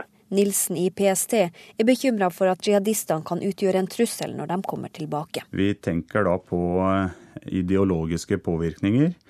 Eh, vi tenker på mulig kamperfaring, og at eh, det kan etableres kontakter mot ekstremistiske islamistiske nettverk. Reportere her, det var Kristine Svendsen og eh, Eirin Årdal. Og vi har snakket med ordfører i Fredrikstad kommune, Jon Ivar Nygård. Han liker ikke utviklingen. Ja, det er en bekymringsfull eh, utvikling som eh, vi selvfølgelig er glad for at PST følger nøye, men som også vi på kommunalt nivå må jo ha et grep om dette som er forebyggingsaspektet. Når eh, man får radikaliseringsprosesser og man kommer inn i en eller annen form for politisk ytterlighet eller religiøs ytterlighet, så er det ofte marginalisering, et utenforskap som ligger bak. Og det er jo kanskje noe der utfordringen ligger. Så er det nok sånn at Vår nærhet til Oslo her også har en viss påvirkning på hvorfor det kan være sånn at det sprer seg lettere til eh, vår del av landet. Jon Ivar Nygård, altså ordfører i Fredrikstad. Israelske soldater får drepe med overlegg uten å bli straffet eller etterforsket på en ordentlig måte. Det konkluderer Amnesty International i en rapport som offentliggjøres i dag. Den viser at israelske soldater tok livet av langt flere palestinere i 2013 enn i årene før. Nok en gang fyrer israelske soldater av sjokkgranater og tåregass. Dette er bare ett eksempel Amnesty International trekker frem i rapporten med navnet Trigger-happy, våpenglad, som offentliggjøres i dag. Menneskerettighetsorganisasjonen redegjør for hva som skjedde med hver av de 22 palestinerne som ble drept av den israelske hæren IDF i fjor. De fleste av de drepte palestinerne er mellom 16 og 22 år. Ifølge FN er tallet på hele 27, for ifølge FN-organisasjonen OCHA ble 25 palestinere drept med skarpt og to med gummibelagte stålkuler i fjor. Uansett er tallet for 2013 langt høyere enn for årene før. For til sammen i 2011 og 2012 ble bare, i anførselstegn, 18 unge palestinere drept av den israelske hæren. Amnesty mener at selv om de palestinske ungdommene ofte kaster stein mot okkupasjonssoldatene, så står ikke gjengjeldelsen i noe forhold til trusselen. For demonstrantene utgjør ingen alvorlig trussel mot soldatene som er tungt bevæpnet og beskyttet. Utenriksmedarbeider Sisselvold hadde lest rapporten. Eliten i Kina vil ut av landet, og utlendingene vegrer seg for å flytte inn. Det er den nye trenden etter at forurensningene i lufta over Nord-Kina den siste uken har vært kraftigere og mer langvarige enn noen gang før. Et hverdagslig syn, mor og datter hånd i hånd langs fortauet. Men begge har dekket halve ansiktet med maske for å beskytte seg mot den forurensede lufta.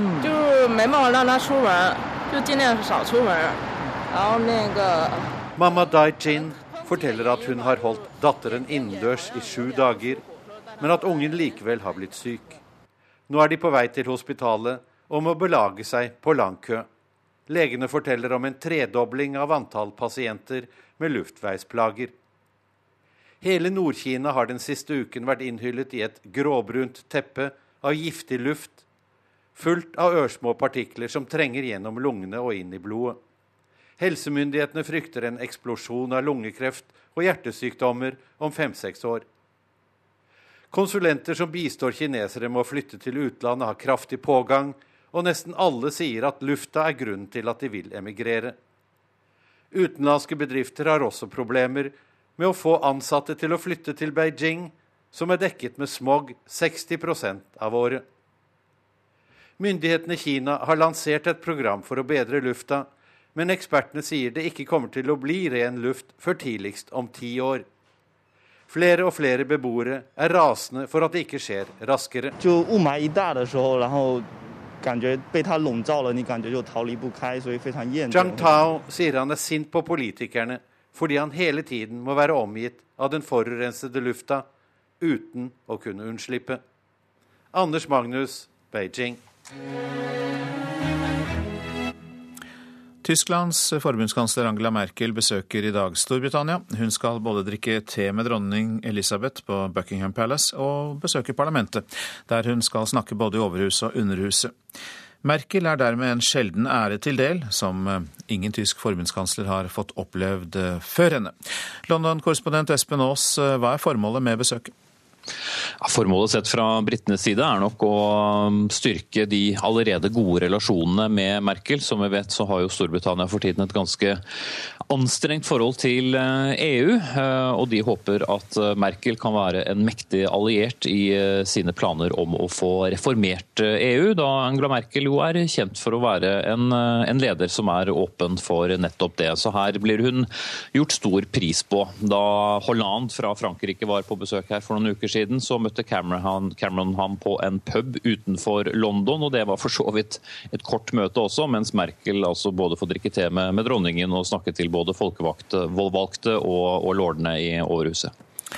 Ja, Vi vet jo at det kan være hyggelig å gå på pub i London, Espen Aas, men det er klart eh, Buckingham Palace blir noe annet. Hva er det med Angela Merkels politikk som er så viktig for den britiske politiske ledelsen? Hun har med, ved flere anledninger poengtert at hun er veldig opptatt av at Storbritannia fortsatt skal være EU-medlem. Og de håper at hun ønsker det sterkt nok til å gi dem dytten som Storbritannia trenger for å få løst opp i en del av de mer byråkratiske flokene som Storbritannia ser med EU. Britene ønsker å ha mer bestemmelsesrett øh, over sitt eget land enn de føler det får med dagens EU-regelverk. Og idet det skal, nå skal også øh, velges en del nye nøkkelpersoner i EU-hierarkiet, så eh, satser man på at eh, Merkel kan være den eh, eh, hva skal vi si, den som kan dytte riktige personer i riktig retning, slik at ikke EU fortsetter ned den gale veien, slik britene ser det, men i stedet kan begynne å åpne opp og handle mer om handel enn det å være opptatt av hva slags helse eller hva slags arbeidsmarked det skal være innad i hvert enkelt land. Ja, Nå kommer jo Cameron og Merkel fra samme politiske side, konservative partier. Så vil det kunne lykkes å få Merkel over på Camerons og Storbritannias side, tror du?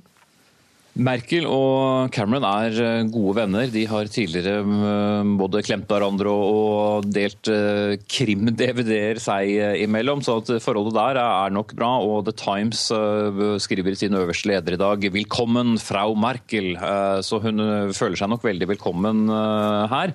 Men det er klart at i store deler av EU og Europa for øvrig, så er man ikke like begeistret for denne voldsomme propagandaen sett fra Storbritannias side om at alt er galt med EU, og at det meste må gjøres noe med. Mange kunne nok heller sett at Storbritannia fikk seg en liten smekk for å være så skal vi si, obsternasi som, som det den er.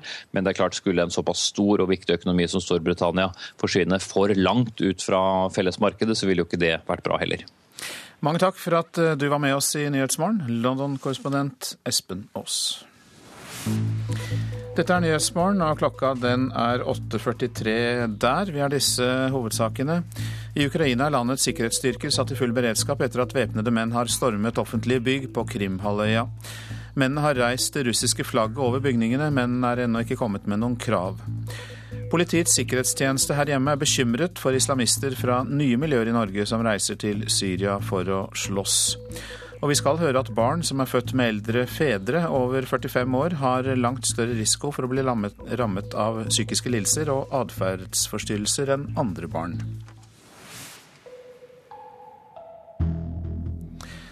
Nå til norsk politikk. De borgerlige partiene har svært begrenset handlingsrom dersom de ønsker å stramme inn innvandringspolitikken, sier stortingsrepresentant Arne Grande fra Arbeiderpartiet. Han sier at mange av innstramningene allerede er foretatt av den rød-grønne regjeringen. Den rød-grønne regjeringa har jo allerede foretatt en rekke innstramninger i forhold til familiegjenforening, som betyr at det 24-årskravet vi har hørt om, eh, som eh, forhandles fram nå, bare vil eh, angå ca. 200. Eh, det eh, Økningen i underholdskravet som vi har hørt om, vil bare angå ca. 300. Og Når vi tenker på at ca. 12 000 kommer inn i året, så er jo dette veldig små tall. I Politisk kvarter i morges møtte Arne Grande Fremskrittspartiets innvandringspolitiske talsmann Mazyar Keshvari. Han avviser Grandes påstander og sier at de endringene som kommer er viktige prinsipper, og at det blir en innstramning. Punktene som Arbeiderpartiet tar opp her, så dreier det seg rett og slett om viktige prinsipper også. Men ikke så mange færre innvandrere? Jo da, det, det, gjør det også. Altså, det er en grunn til eh, at, eh, at Norge ligger på topp i Europa når det gjelder hvor mange vi tar imot, f.eks. når det kommer til asylsøkere.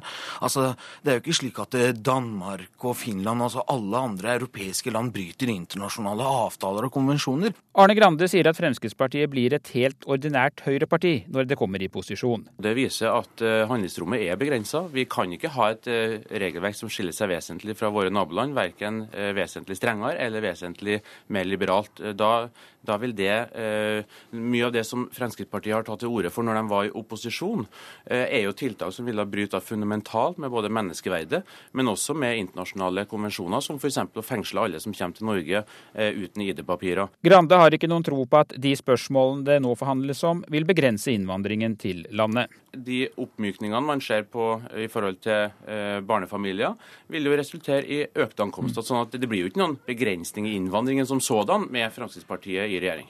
Jo, det blir det. Og, og, og dette argumentet om at eh, det, det, er ikke mulig å gjøre noe pga. internasjonale avtaler og konvensjoner, holder ikke. Det har jo Danmark vist. Eh, dessuten så er det jo slik at det, når det kommer til dette med lukka asylmottak, eh, så er det sånn I hele sommer så hørte vi at dette var brudd på internasjonale konvensjoner, det brøyt FNs barnekonvensjon, det var umulig å gjennomføre til tross for at andre land hadde det. Så kom vi fram til at i henhold til eksisterende norsk lovverk, nemlig utlendingslovens paragraf 106, så er det en rekke kriterier for når man kan frihetsberøve mennesker. Bl.a. hvis de ikke er med på å bidra til å oppklare sin egen identitet, og de har anledning til det, hvis det er fare for at de unndrar seg hjemsendelse, og en rekke andre kriterier. Så det som var helt umulig for et halvt år siden, det som var brudd på internasjonale avtaler og konvensjoner osv. Det er en del av samarbeidsavtalen. Det er et av punktene. Og så skal vi finne ut av på hvilken måte vi kan gjøre det på en ålreit og god ja. måte. Ja, Mashiar Keshvari fra Fremskrittspartiet sist der, og vi hørte også Arild Grande fra Arbeiderpartiet i dette utdraget fra Politisk kvarter, som var ved Per Arne Bjerke. I dag eh, faller dommen i saken mot de 19 barneranerne i Oslo. Ungdommene, som er mellom 15 og 21 år, er tiltalt for mobiltelefontyverier, trusler og grove ran mot barn ned til ni års alder. En av 17-åringene som står tiltalt for medvirkning til ran, gleder seg til å få en slutt på saken. Det er en dårlig handling, og man skal ikke gjøre sånn. Han er tiltalt for å ha vært med på å rane tre ungdommer i en skatepark. 17-åringen angrer på det han har gjort. Man skal ikke rane folk. I dag faller dommen for de 19 ungdommene som er tiltalt for å stå bak 25 tilfeller av ran og grove tyverier på østkanten i Oslo. Noen av ungdommene risikerer fengsel i bortimot tre år. Årsaken er alvoret i de ulike sakene, sier aktor Trine Dyngeland. Dette ble gått mot svært unge personer, helt ned til eh, niårsalderen. Noen har vært utsatt for vold og eller trusler i, i forbindelse. Og det er også begått i deres nærmiljøer. Eh, noe som skaper en generell utrygghet, eh, der man i utgangspunktet skal føle seg trygg på vei til skolen eh, i forbindelse med fritidsaktiviteter osv. De fleste av ungdommene har erkjent straffskyld. Motivet var å tjene raske penger. 17-åringen ser fram til å legge saken bak seg, så livet kan gå videre. Jeg vil bare bli ferdig med det fortest mulig, da. Og så fortsette livet mitt. Reportere Kristine Næss Larsen og eh, Iram Ansari. Jan Bøhler, stortingspolitiker fra Arbeiderpartiet, sier han har lært mye av å følge rettssaken mot barneranerne. Han bor i området i Oslo der ranene foregikk, og sønnen hans var en av dem som ble utsatt for ran. Det er viktig at samfunnet stiller opp, også for de som er ofre. At de skal eh, merke at eh, dette tas på alvor, at de skal få rettferdighet, og at de også skal føle seg trygge til å vitne, og også trygge i framtida. For det jeg har sett, kjenner jo nå en del som har vært utsatt for ran, og gutten vår har også vært det. Og det var en rettssak som var i fjor sommer i juni, som vi, han var i. og det det jeg har sett, er at det kan bli mye utrygghet etterpå. At man får en utrygg oppvekst etter å ha vært utsatt for ran. Så den oppfølgingen og hvordan de eh, opplever at, vi, eh, vi, at, de kan vitne trygt, og at samfunnet stiller opp, mener jeg er avgjørende. At man bl.a. får hjelp til med mulige psykiske plager og bearbeiding av det. Og så når det gjelder ranerne selv, så jeg vil gjerne høre fulgt rettssaken og, og, høre om de tar det på alvor. Nå var det gledelig å høre 17-åringen her, at han eh, ønsker å bli ferdig med det. Men også, også, hvordan vi kan hindre at de fortsetter. Så jeg er spent på nå hvordan det går framover. Om det blir eh, en positiv utvikling, eller om det blir konflikter. Det er 19 ranere som skal ut i nærmiljøene våre. Og jeg håper jo inderlig at de kommer ut av den banen de har vært inne i nå.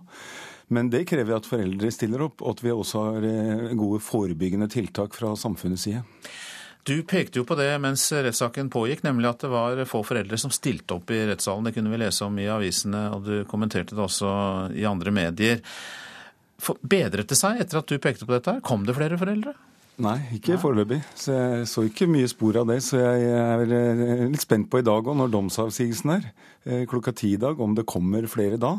Fordi at det er viktig at vi markerer at dette er alvor, at familiene tar dem i hånda framover, er tett på dem, sammen med det offentlige. Men det kan ikke bare være det offentliges ansvar å sørge for at disse ikke blir ranere i framtida. For det er klart at det er nå jobben begynner. Det er nå det blir eh, spennende, både om ofrene føler seg trygge, fortsatt kan gå ut i oppvekstmiljøene sine, gå på denne skaterampen der det skjedde ran osv., bruke nærmiljøene våre, og om disse ranerne, disse 19 ranerne fortsetter like. De kan enten komme inn i en fin utvikling, ta, eh, bli positive medborgere, eller det er selvsagt fare for at de kan fortsette denne, den, på det de har vært inne på nå. Det, der må vi ikke være naive. Vi, vi trenger eh, også at eh, vi tenker gjennom de forebyggende tjenestene, om de som henger rundt på senteret og sånn, om vi når ut til dem. Og der har jeg lært mye når jeg sitter og hørt på disse forklaringene. Jeg har sjelden vært vitne til noe så omfattende eh, eh samfunnslæring òg, som det å sitte og høre disse 19 forklaringene og, og alle forklaringene fra ofrene. Sa altså stortingspolitikeren fra Oslo, Jan Bøhler. Barn som er født med eldre fedre, har langt større risiko for å bli rammet av psykiske lidelser og atferdsforstyrrelser enn andre barn. Det viser en stor svensk-amerikansk undersøkelse. Forskerne mener funnene er oppsiktsvekkende.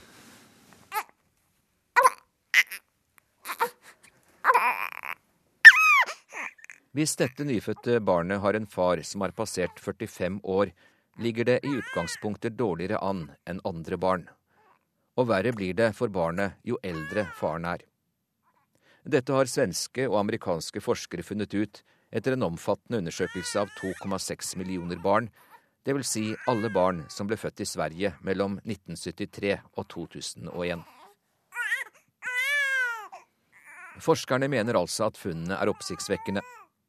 De viser at nyfødte barn med en far som er 45 år, har dobbelt så stor risiko for å bli rammet av psykiske sykdommer sammenlignet med nyfødte som har en 24 år gammel far.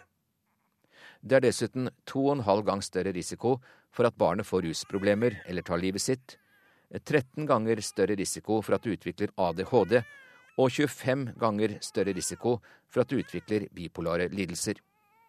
Undersøkelsen er gjengitt i et av tidsskriftene til den amerikanske legeforeningen. Professor Paul Lichtenstein ved Karolinske instituttet i Stockholm er en av forskerne bak rapporten. Dette viser at farens alder har mye å si for barnets framtidige helse, men det er selvfølgelig ikke slik at alle barn blir rammet, sier han. Vi finner f.eks. ingen utslag hos barn med eldre fedre som er høyt utdannet. Selv om disse fedrene har dårlig sædkvalitet, har de ressurser som gjør dem bedre i stand til å ta vare på sine barn enn andre eldre fedre, sier Liechtenstein. Reporter her, det var Hans Jørgen Solli.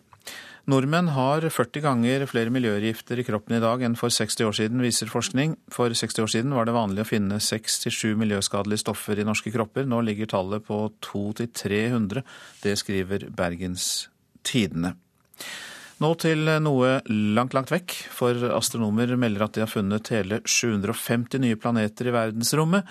Det er funnet med romteleskopet Kepler, og oppdagelsen betyr at vi nå kan nesten doble antall kjente planeter som går i bane rundt andre stjerner enn vår egen. Kollega Halvard Sandberg, du liker å følge med på slike fjerne ting. Og det har jo blitt eh, mange slike eksoplaneter da, som går i bane rundt andre stjerner enn solen.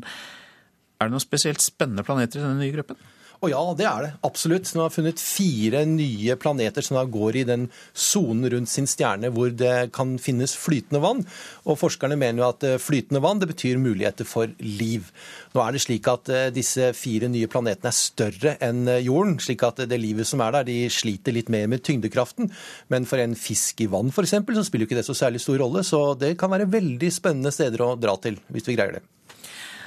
De er jo langt unna, da, og eh, i den målestokken så er planetene relativt eh, små. Hvordan klarer astronomene å finne dem, påvise dem? Altså, Kepler, Romteleskopet Kepler driver og stirrer på mange hundre tusen stjerner hele tiden, og så ser de plutselig at en av stjernene der ble litt grann svakere. Og da er det regnet ut at det betyr at det er en planet eller noe annet som går forbi soloverflaten, som dekker litt for lyset. Og Når de ser det med jevne mellomrom, f.eks. hvis det var jorden som ville sett det én gang om året, så kan de si aha, dette er en planet. Og så eh, sier forskerne dette til andre forskere, og så undersøker de andre forskerne om har de rett. Og nå har faktisk andre forskere funnet ut at 750 av disse kandidatene er riktig. Men ingen av de nye planetene er helt eh, lik jorden? Nei, det er ikke det. Nei. Men går det an å finne en tvilling snart? Ja, de folkene som driver og styrer Kepler, har fortalt meg eh, sånn under bordet at jo da, de har funnet det allerede. Men de har ikke fått det bekreftet. Og da betyr det jo ingenting i forskningsøyemed. Men de har flere kandidater som er like store som jorden, og som også går eh, så nærme solen som sin stjerne som jorden går nærme sin stjerne. Så det der kan være en tvilling av jorden. Men eh, det å finne denne, eh, ta bilde av den og bekrefte at det er liv der, da trenger du noen fantastisk mye større instrumenter. Ja, Du nevnte det at tyngdekraften kan bl.a. være annerledes, men at det kan være greit for fiskene. Eh, så, eh, men det kan jo uansett være umulig å vite hva slags eh, kreaturer og, og ja, i hele tatt liv man finner på en slik planet. Det er veldig vanskelig.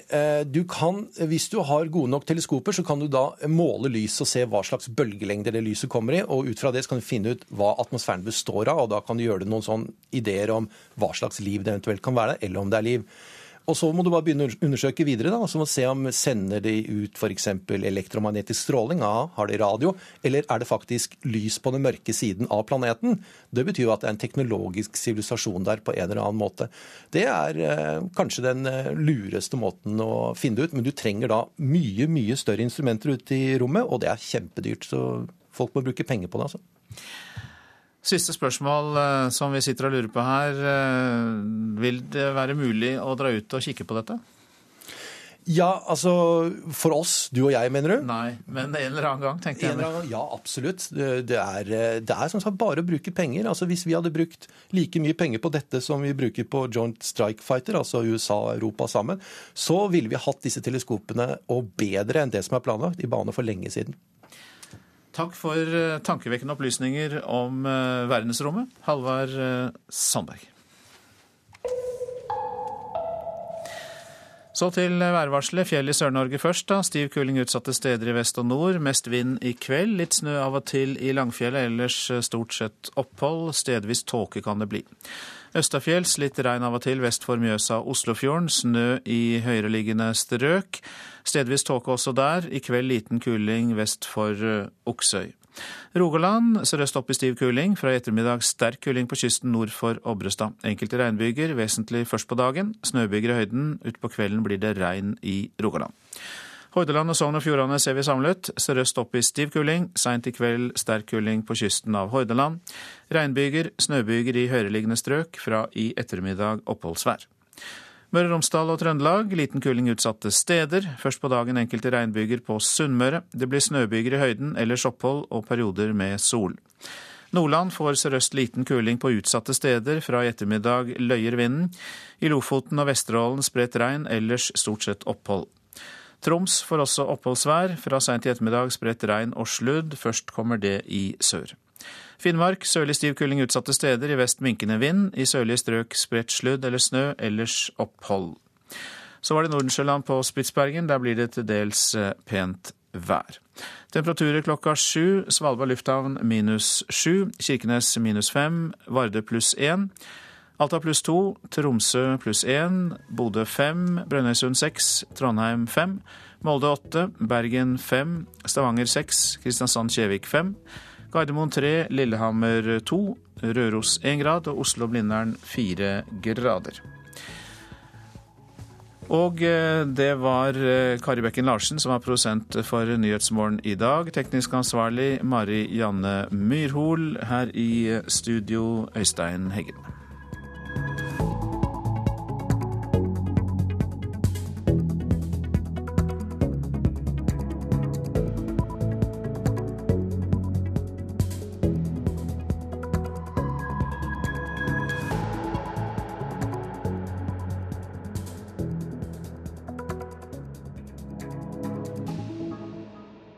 Hør flere podkaster på nrk.no podkast.